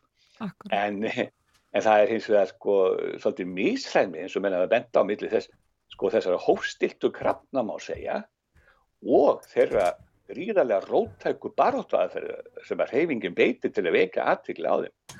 Og, og ef við höldum okkur svona við þessa að því varst að tala um sem sagt hver væri upprunnin þá tengist þetta eins og ég sagði öðrum reyfingum eða öðrum hluta þessari reyfingar eins og til dæmis reyfingunni Fridays for Future sem hefur verið í tölvöld mikið í fréttum eða förstu dagar í þáu framtíðar. Uh, og, og svo reyfing er að berjast fyrir aðeins sama málstað en með miklu vægari aðferðum og, og ólíkt til dæmi síðustu kynnslóðinni e, og róttæku, þeim róttæku aðferðum sem hún beitir að þá nýtur förstudagsreifingin mjög mikill að samáða hér í Þískalandi eins og sennilega í mörgum löndum öðrum sem að það er þessi reifing eins og við vitum sem að er kent oft við Gretu Thunberg á svensku og e, því að það eru margir sem haldaði fram að, að súrreifing hafi beinlýnis orðið til þess að vekja stjórnmálumenn svona að, að værum blundi og, og, og opna kannski auðura fyrir fyrir nöðsinn þess að ráðamenn uh, svona hérna ríku þjóða saminust um að aðgeri gegn lofslagsvanni sem séu líklega til að skila árangur og þetta er svolítið um þessu nefni að, að, að þessi umhverfis reyning sé beilins að klopna í tventa sem að annar, annar ángi vil beita líðræðislu andofi til að koma vitunni fyrir það sem ráða fyrir þjóðum og hinn eh, hlutin vil eh, sko nota aðferðir í barátunni sem er þessi miður og virðast vera fallna til þess að að vekja frekar neikvæða heldur en jákvæðan áhuga á málstæðan og uh, þetta er náttúrulega fellur auðvitað í misjaflega frjóðanjar, ekki bara almenna borgurum heldur líka hjá stjórnmálamenn. Og það, eru, það er líka tekist á víðar heldur en í umhverfismálum, það er í menningunni, er það ekki líka? Hver átöku í gangi, Arður Björgvin? Jú, jú, það er alltaf átöku í gangi í Þískalandi, þetta er land, uh, þetta er dýttir um dengar eins og það stundum kallar hugsuða og skálda þannig að það er alltaf eitthvað, eitthvað verið að rífast og karpa og þrasa eða rökræða sem er haldið fram að þjóðverðar séu slingastir allra þjóða í að rökræða en það er eigaðir ægla gamla akademíska rökræðu hefð þannig að það verður allt efni til rökræna hér og nú hefur sprottið upp mjög sérstæða deila sprottið upp sérstæða deilur e, því að það eru margir sem að sko vilja ganga mjög langt í því að, að, að, að leiðrétta uh, hugafar fólks á fyrir tímum eins og byrstist í bókmentum til dæmis og, og það sem að þú ert að í að er, er, er þessi deila um bók eftir þýska rittöfundin Wolfgang Köppen sem er nú algjörlega óþektur held ég á Íslandi og uh, bók sem heitir Taubin með græs eða Dúr í græsi og kom út fyrir um 70 árum 1951 og svona rétt til að uh, fólk átti sig á því hver þessi maður var þá þá fættist hann 1906 og dó í árið 1196 og hann var einn af merkustu rítuðundum eftirstíðsárunni í Þískalandi og hann var frægur fyrir þjárskáltsugur svona þríleik sem kom út á sjötta áratu síðustu aldar. Dúr í grasi, gett svo fyrsta og er núna verið að deilum svo gróðurhúsi og döðin í Róm. Og einn af þekktustu bókmentafræðingum þauðverja á setni tímum Ranitski sem var svona bókmentapá í Þískalandi mörg ár hann taldi þessa skáltsugu Dúr í grasi verið eitt merkilegasta bara skáldverk eftirstíðsárarna í Þískaland og, uh, og sagði að, að með þessari bók hefði skáldsögði hefði köppin skapað sér á vefn með höfundum eins og Joyce, James Joyce, Marcel Proust, William Faulkner eða Alexander Dublin. En ástæðan fyrir því að þessi, uh, þessi moderníska skáldsa, þetta er mjög modernísk skáldsa, sett saman á svona brotum til þess að lýsa svona andrumsloftinu í, í ákveðinni borg í Þískalandi eftir stríð þegar Þískaland var hernumið, þetta er á hernámsvæði bandaríkjamanna. Líklega er þetta München sem hann er að tala um í bókinni, það bendir margt til þess. En ástæðan var svo að, að menningar yfirvöldi í fylgjunu Baden-Württemberg ákvaði að gera söguna skildulestningu í Þísku til stúdensprófs á næsta ári. Það er alltaf ákveðið hvaða bækur eru tekna fyrir til stúdensprófs af, af þýskum bómetum hjá þau stúdendum og stúdensefnum og þetta fór svo fyrir brjóstið á kennslukonu í borginu Ulm að hún postaði mjög harðri gaggrinn á þessu ákvörðun og um, sapnaði undirskriftum sem ég skilst að séu konar yfir 10.000 núna Já. til þess að, að ógilda ákvörðun stjórnvalda í fylkinu og ástæðan fyrir því er svo að, að þessi umræðar kennslukona sem er dökk á hörund hún taldi að í bókinni væri alið á andúð í garð hörundstökkra og hún var í yfirfulla kynþáttahatri og, og þetta, þessu andmæltu bókmyndagælgingendur margir sem að fullirtu að uh, þó að veri mikið fjallað um, um svart uh, hörundstökt fólk í bókinni og, og víða látið ljótor og fallað um það, þá væri bókin sjálf laus við kynþátt að hatur því að þetta mótið væri höfundurinn að, að, að, að leiða lesendum þetta hatur á þeldu okkur fólki fyrir sjóni til að sína hversu ógeð þetta væri og, og þetta er náttúrulega þannig að sko að í, bókinni eh, eru, það, sko, eru þjóðverjar í sárum eftir stríðið þarna og eh, þeir eru mjög ósáttir við bandaríska hernáttlið, það var auðvitað enginn sérstök ánægja með það að bandaríkja hér á samt her, öðrum herjum bandamanna skildu vera hér og hersetta land, landið. Og uh, þeir eru til dæmis uh, í bókinni eru þeir að skammast uh, sögupersonar sem eru mjög margar þeir eru að skammast út í, í svettinga kallaðu niggara á tónlistin eða kallaðu niggara tónlist og svo framvís en það er verið þannig að þetta var tungutak þess tíma, þetta var andrúsloftið sem ríkti í Þískarland á þessum tíma. Og, og þessi menningamáraðara fylgisins Teresa Stopper Shopper segir, hún, hef, hún hefur ekki viljað að taka söguna út af náskráni aftur.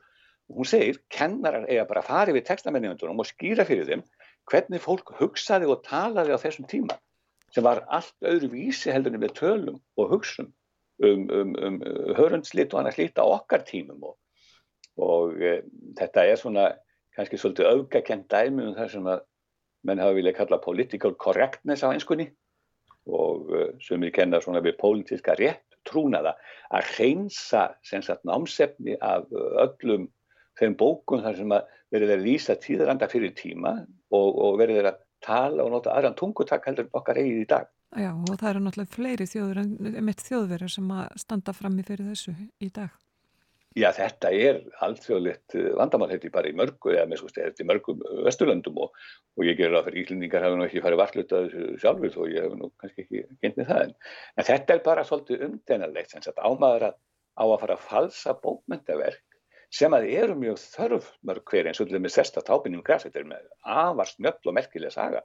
Sindaðum skulle ekki að vera þýtt á íslensku því þetta er eitt af flottustu bókmyndaverku þjóðverða eftirstíðsárana þegar að það sem verið er að vísa sagt, landinu eins og það var algjörlega í rúst og, og fólk var að reyna sagt, að, að, að bara komast af í rústunum í bóstæðir mekkingu og allstað voru hermenn bandamanna í, í stórum og miklum herbúðum sem höfðu mjög gott og fínt og þá voru þauðverið voru að maður ekki hverju eðlilega náttúrulega þeir voru í mikilvæg niðunnýslu allt þeirra, allt þeirra land og þeirra líf í mikilvæg lægð og þá söluðu þeir hansi ljótt og söluðu ljótt orðum um, um hernámsliðið og minn ef við ferum að skoða það sem Íslandingar hafa sagt um hernámsliðið bandaríska svona tíma og ferum að taka það út úr bókum höfunda hjá okkur þá værum við kannski í svolítið erfiðu málum En hvernig hafa hérna, aðri rítumundar, nú við leifandi rítumundar, hvernig hafa þeir tekið þessari umræð?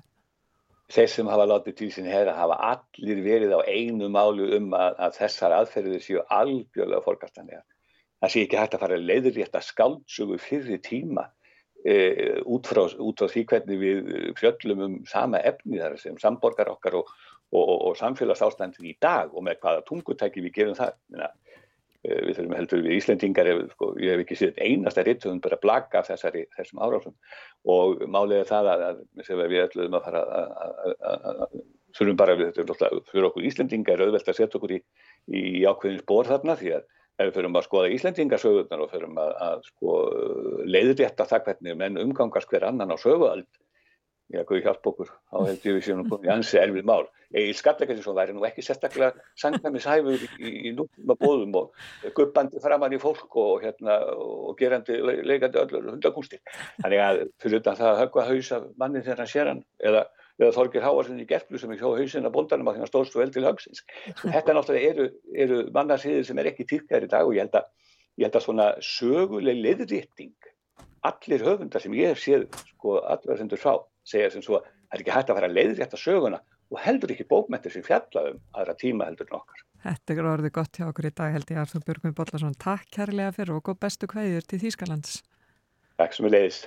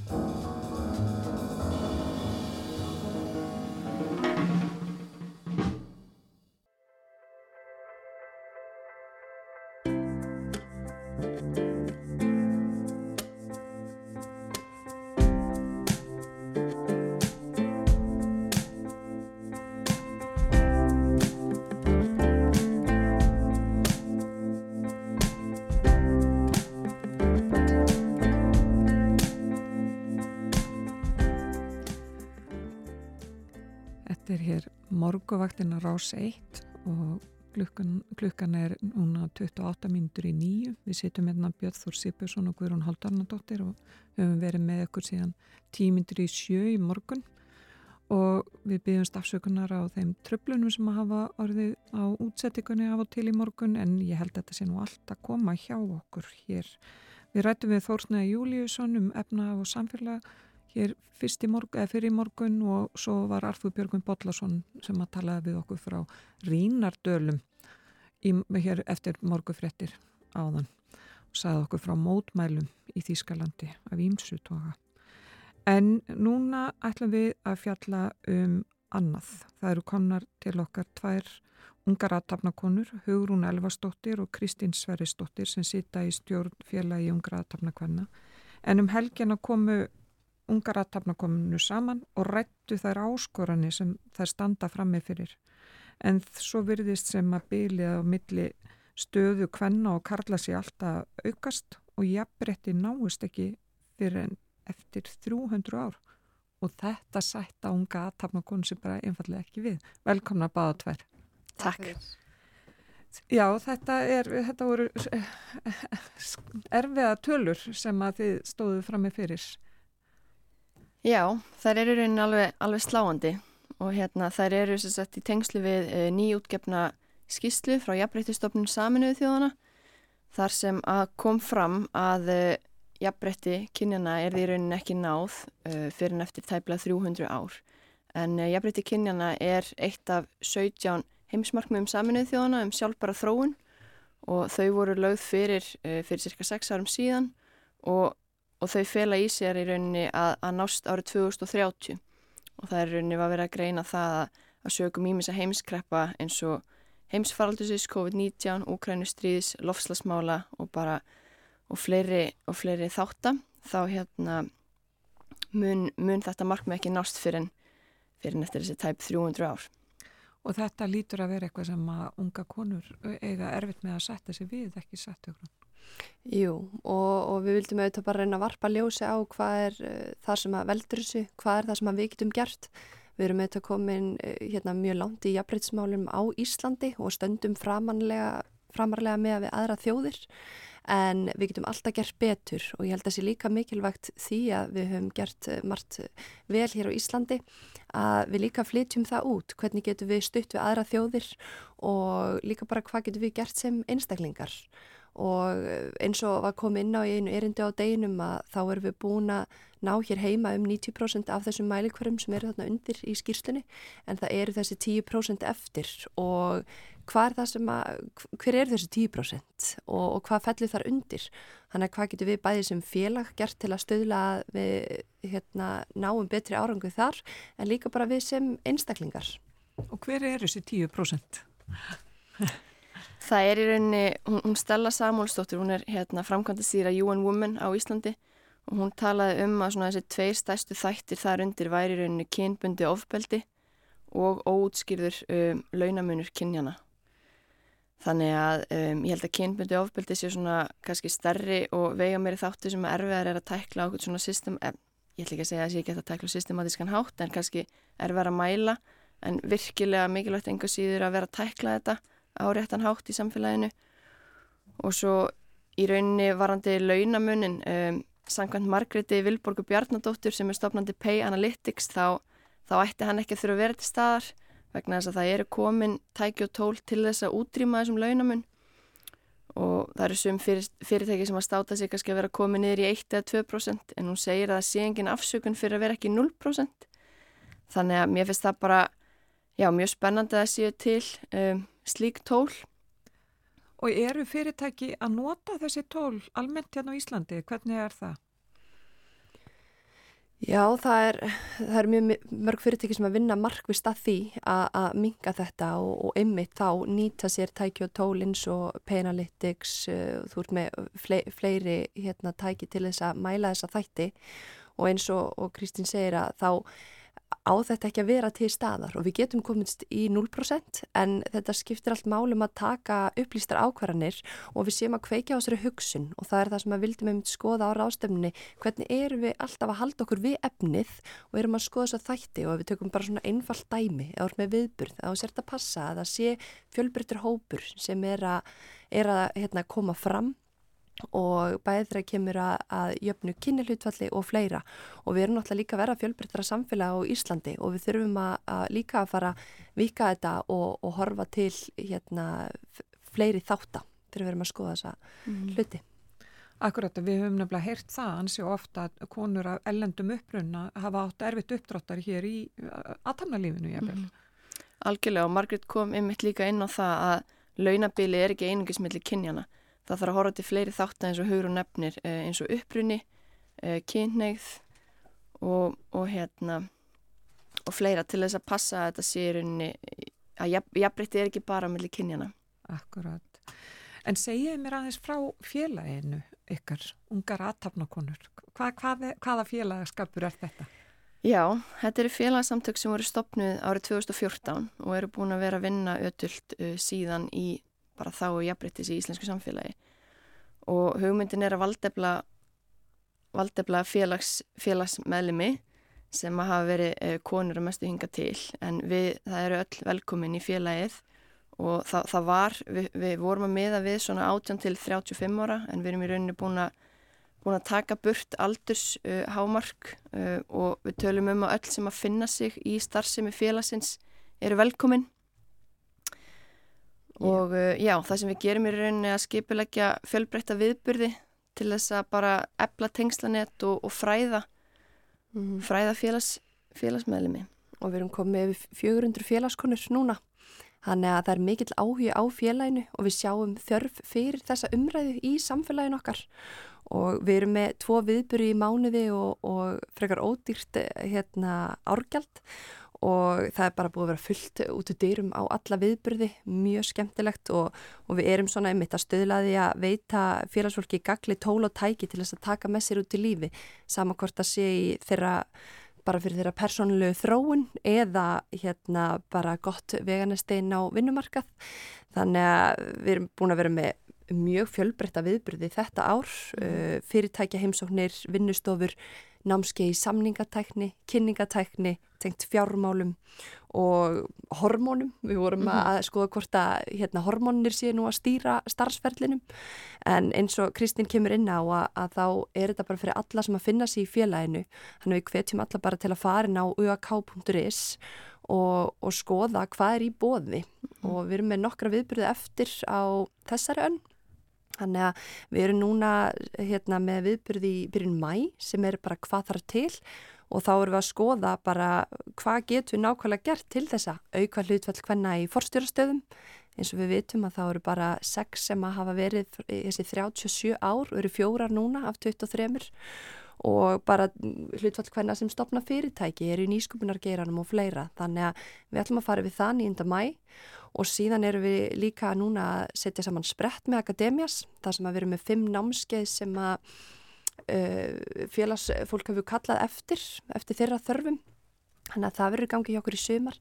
Þannig að það er mjög fjölbreytt og, og skemmtileg starfsemi í ÖAK mm. Og eru þetta uh, bara koma þarna inn konur allstaðar að úr aðtapnalífinu? Já og mér finnst í rauninni mjög mikilvægt að taka fram og það sem ég hef heyrt frá um, konum sem hafa tekið þátt í starfseminni að þetta, það sem okkar félag býður upp á kannski um, annað en mörg önnur félög er að þetta er algjörlega þvert á geira þú þart ekki eins og í rauninni að vera í vinnu eða í atvinnlífinu, þú getur verið í námi eða að fást við eitthvað annað um, mér langar líka að taka fram að nafni getur verið svolítið mis, misvísandi. Mm -hmm. uh, að vera ung en alltaf bara hlutlægt og þú getur bara verið á þeim aldrei sem að, eins og ég segi, þú finnir því starf sem er félagsins og þú finnst það að gefa þér eitthvað.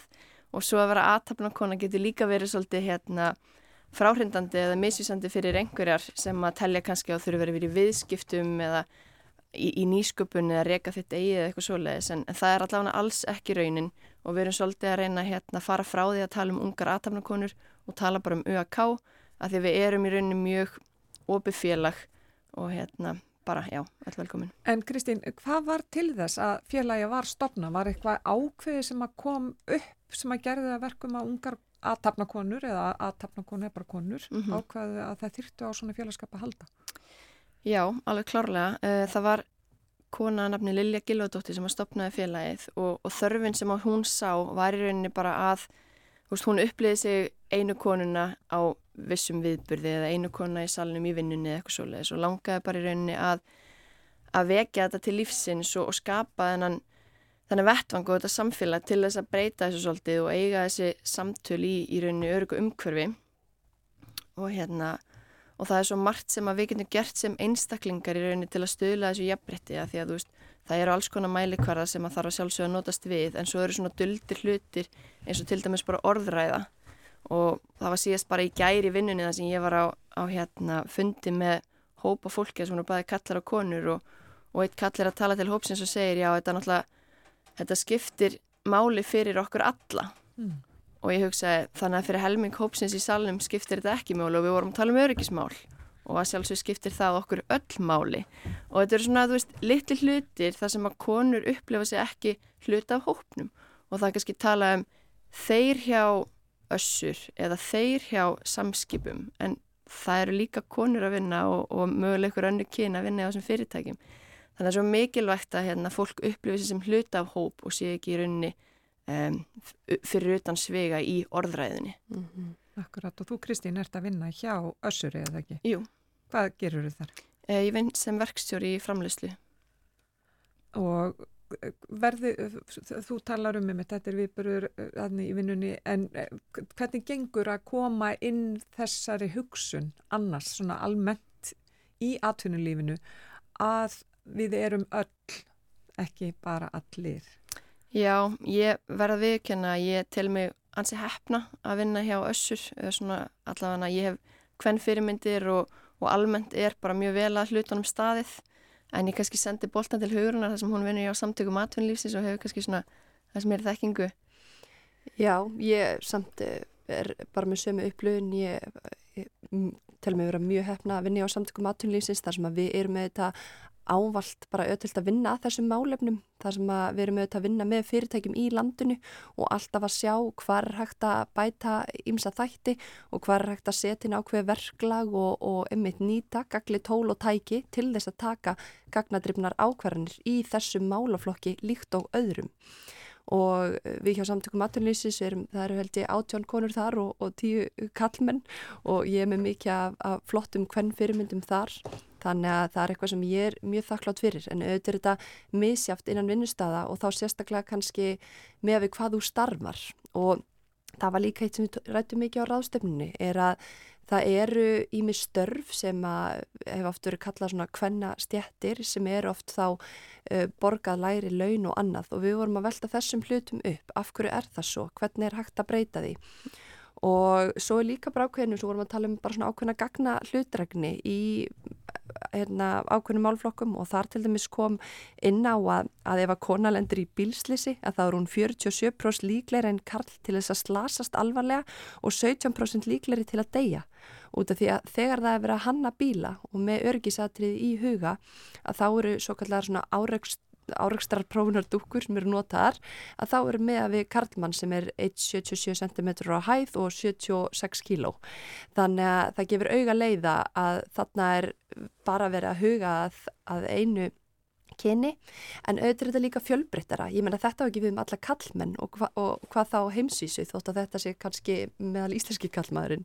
Mm. Þannig að við þurfum alltaf að hafa þessar hluti í huga þegar við erum að taka ákvarðanir og, og bara í gegnum lífið og mér fannst líka gott á rástöfni að þá í einni pallbórsumræðinni að þá komum við inn á svona hugsanavillur sem kom upp, við fáum öll hugsanir. Við erum öll á mismunandi stað í lífinu en það skiptir máli að þegar ákveðinu hugsanir kom upp, að við leiðrættum það og hugsaum, nefnitu, þetta er ekki alveg rétt. Ég þarf að huga líka þessu og að við grípum þessar hugsanir. Já. þannig að mér fannst það hérna svona mjög góð áminning fyrir alla því að það er ju engin fullkomin og við erum öllar hann að gera betur í þessu málflokk mm -hmm.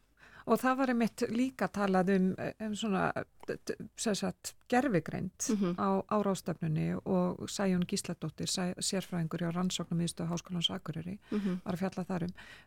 Er, er gerfigreindin kynbundin? E, já, vegna þess að gerfigreindin byggir á gögnum og, og hérna, hún var einmitt að fjallin um það hún Sæjón að, að fólk reyði sig almennt svo mikið á gögn og, og leggur sitt traust á gögn en veitandileg ekkert hvað er á bakvið þau gögn. Og hún er mitt sínd okkur eitt dæmi sem var svolítið áhugavert að við tölum jafnbreytti er ekki einhvers millir kynjana að uh, hún sínd okkur mynd af Barack Obama sem var raunni blörruð og svo var notast við gerðugrein til að afblörra þá mynd. En, en gerðugreindin breytti Obama í kvítanmann vegna þess að gerðugreindin byggir á gögnum um kvítarmanneskur og það er líka augljóslega eitthvað sem maður þarf að bæta úr. Og já, eins og ég segi, þetta, þetta eru gögn, þú veist, sem að þó gerfigreint sé frábær, þá er í rauninni líka hérna e, það, þarf, þarf að passa í rauninni og hún sé eins rétt og hægtir og það þarf að rína líka gögnin. Og, og sæ ég var einmitt að tala um það að það er mikilvægt líka að rína gömulgögn til þess að í rauninni lagfæra þau. Þannig að við getum verið að þróast í réttari átt. Já. og hérna og Margret Bjarnadóttir, hún kennir einmitt gerfugreind út í bandaríkunum og hún var að tala um að í þessum bókum, í hérna kennslubókum um gerfugreind er bara ekkert talað um í rauninni hlutregni eða bæjas í gerfugreind og hún var einmitt að tala um hvað er mikilvægt í rauninni að innleiða það að þetta er í rauninni svo ungt fag að það er svona, það eru ímist tækifæri þar þó að hún sé að fara að veita ný tækifæri líka. Líka margt sem að gerfugreindin grýpur ekki og, og sæn kom líka inn á að tengt til dæmis ef að þú ert að sækja um vinnu og ef að gerfigreind sem er alveg byrjað að gera en ef hann eru auknum mæli notu til þess að lesa við fyrilskrár að þá geti þarna líka verið sko ákveð misrétti því að til dæmis geti það halla meira á konur því að það eru oft kannski bil í þeirra fyrilskrám mm -hmm. á milli náms og vinnu eða inn á vinnumarkaði út af því að það er eignar spötn og fyrir fæðingarólof og og svoleiðis. Þannig að það er margt sem þarf að hafa í huga tengt þessu þótt að mitt gerfugrindin sé frábær. Algjörlega. Og hver var í rauninni, var eitthvað svona nýðustaf sem þið komum stað annan lögadaginn með hvernig horfurna, eða hvað er hægt að gera bara þannig að hlutinni breytist, ekki á 300 árum heldur kannski á mestalagi 30 árum. Já, við rættum auðvitað bara mjög fjölbreytta hluti og, og erindin voru uh, fjölbreytt og það er bara gaman að sjá núna eftir aðstöfnuna. Það eru þetta uh, sem er tengja meira við eitt heldur en annað. En við vorum einmitt að skoða, þú veist, eins og við ætlum að, ef við ætlum að ná, ráðstöfnun hétt jafnbreytti okkar lífsleið. Og ef við ætlum að ná því þá erum við að tala um að meðalaldur hérna, félagsmeðlema í UAK eru um 30 ár. Og þannig að við höfum í rauninni bara um kannski 50 ár til þess að ná jafnbreytti, við höfum ekki sér 300 ár. Þannig að við vorum líka bara að skoða hvernig getur við verið bara hugrökk, hvernig getur við staðið upp þegar við sjáum að misrætti á sér stað og UAK er líka þarna vettvangur til þess að við getum veitt hvort öðru samstöðu og, og þetta er svona svolítið örugt space til þess að koma sínum skoðunum á framfari. Þannig að ég myndi segja að það var kannski ekki eitthvað svona eitt sem ég get sérstaklega nefnt mm -hmm. en, en það var allt margt sem kom fram tengt einmitt fæðingarólofi, launabilinu, uh, hvernig við getum hérna, tekist ávið þetta kynbundna ofbeldi á Íslandi og fleiri þættir. En, en er ekki sérstættið þér, Kristín? Ég held að þetta sé bara eins og, eins og Hugrún talar um í rauninu samspil margra þáttar og svona fyrsta sem ég held við þurfum að gera er einmitt að tala um þetta, gera öll í rauninu vart við hvað þetta er alvarlegt og að fá, fá fleiri að borðinu. Þú veist, það er frábært að við höldum svona ráðstöfnu en að sjálfsögur voru þetta að meiri hluta konur í salnum, þú veist, það voru yfir 200 í salnum, bara ótrúlega orka sem að skapast, en einhvað síður væri líka mjög gaglegt að eiga sambarlegt samtal með fjölbreyttari hóp, af því þá nærður líka til fleiri. En uh, ég, það sem að ég svona kannski helst tók með mér í rauninni er að, eins og segja, að við, að við gerum í rauninni að fleiri varði sem er um málið og þegar eitthvað kemur upp sem er ekki lægi að það sé bent á það að konur sé ekki skildar eftir einar með einhvern kannski óviðandi komment á vinnustaf það finnst mér algjörlega óasættalegt og hérna Já, að við séum bara ötult að vinna að þessum málum, að við sopnum ekki að verðinum. Ég held að þetta sé gott vega næst inn í daginn hjá okkur. Takk kærlega fyrir komuna Hugrún Elvarsdóttir og Kristín Sverisdóttir frá félagi Ungra aðtakna hvenna. Takk, kæra þakki fyrir.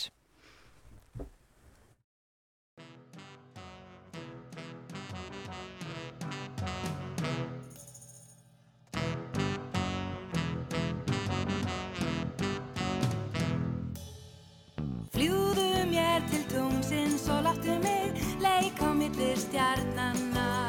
Sýndu mér hvernig vorið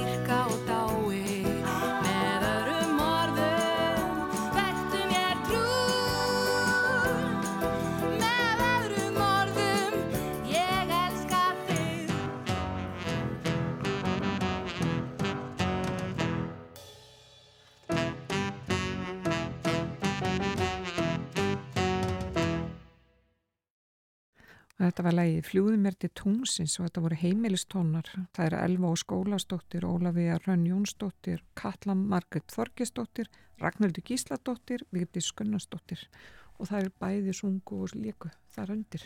Þetta var síðasta atriði morgunvaktarinnar þennan morgunin klukkan er alveg að verða nýju vantar fimm minútur, við höfum setið þér síðan fyrir sjö og uh, verið í uh, svolítið brasi með ímislegt í útsendingunni var bílun hér í búnaði í nótt en uh, unnið að við gert við þökkum samfélgina frá því snemma í morgun verðum á okkar staði fyrramálið Björn Þóru Guðrún. Verið í sæl.